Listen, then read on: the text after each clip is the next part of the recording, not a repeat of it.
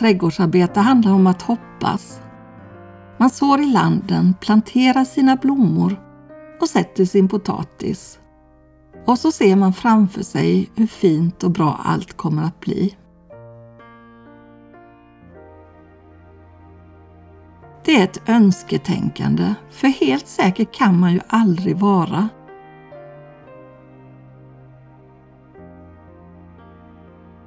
Tänk om jag tappar lusten, eller tänk om det blir en varm och torr sommar och det införs bevattningsförbud.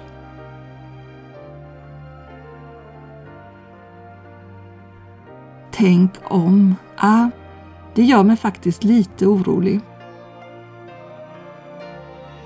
Man kan ju i alla fall hoppas, men man vet ju inte hur det kommer att bli.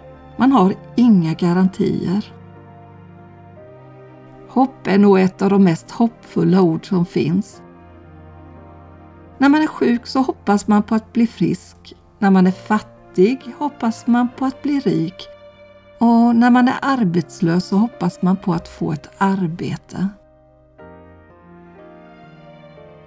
Människan kan inte leva utan hopp.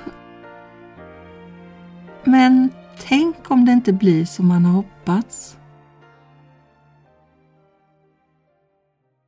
Nej, det finns inget hopp. Ja, det är nog det svåraste man kan höra. Det är så definitivt och hopplöst. Jag vet inte vad du hoppas på, men det hopp som finns i denna världen ger inga garantier.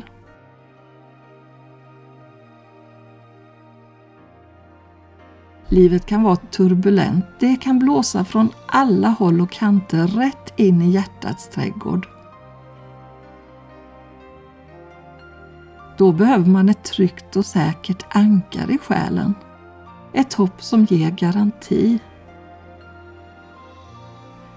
I Saltaren står det Varför är du så bedrövad min själ och så orolig mig? Sätt ditt hopp till Gud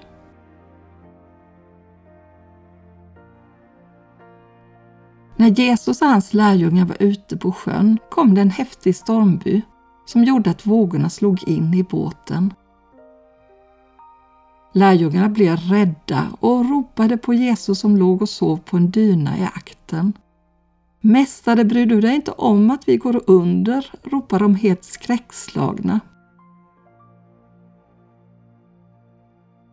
Jesus talade strängt till sjön och sa Tig, var tyst! Och så blev det lugnt. Han vände sig till lärjungarna och sa Varför är ni så rädda? Har ni ännu ingen tro?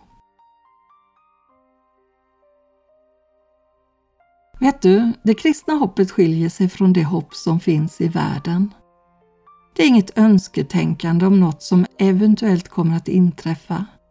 Det är en livförsäkring som är förankrad i Gud och hans löften.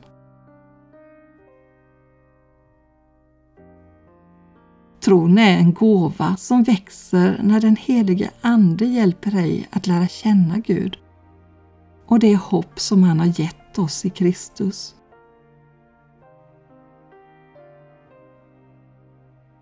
Tron och hoppet är tätt sammanflätade, men du kan varken se eller röra utan bara erfara dess konsekvenser Gud svarar på bön och människor som tidigare var trasiga blir upprättade.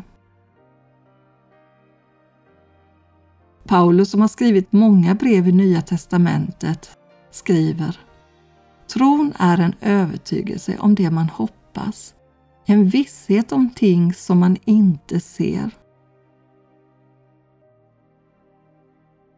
Och författaren Rick Warren skriver Det som dagligen ger mig mest hopp är Guds nåd.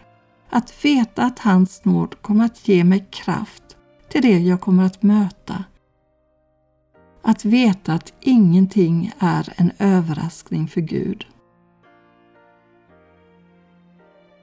Corrie ten Boom som under andra världskriget gömde judar undan nazisterna sa Var aldrig rädd för att möta en okänd framtid tillsammans med en känd Gud. Om Gud skickar oss på steniga vägar ger han oss starka skor.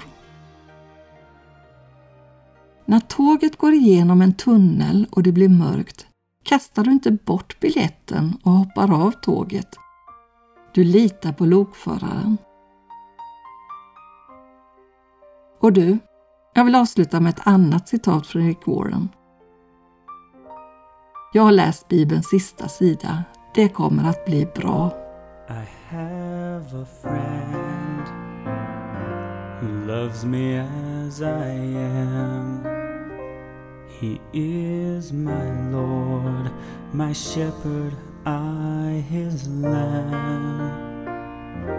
I have a friend who wants the best for me. He knows my soul and sees all I can be. He came to show us how to live. He came with so much love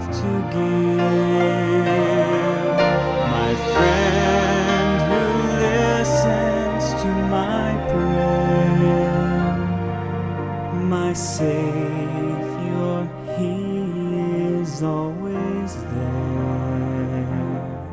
I have a friend.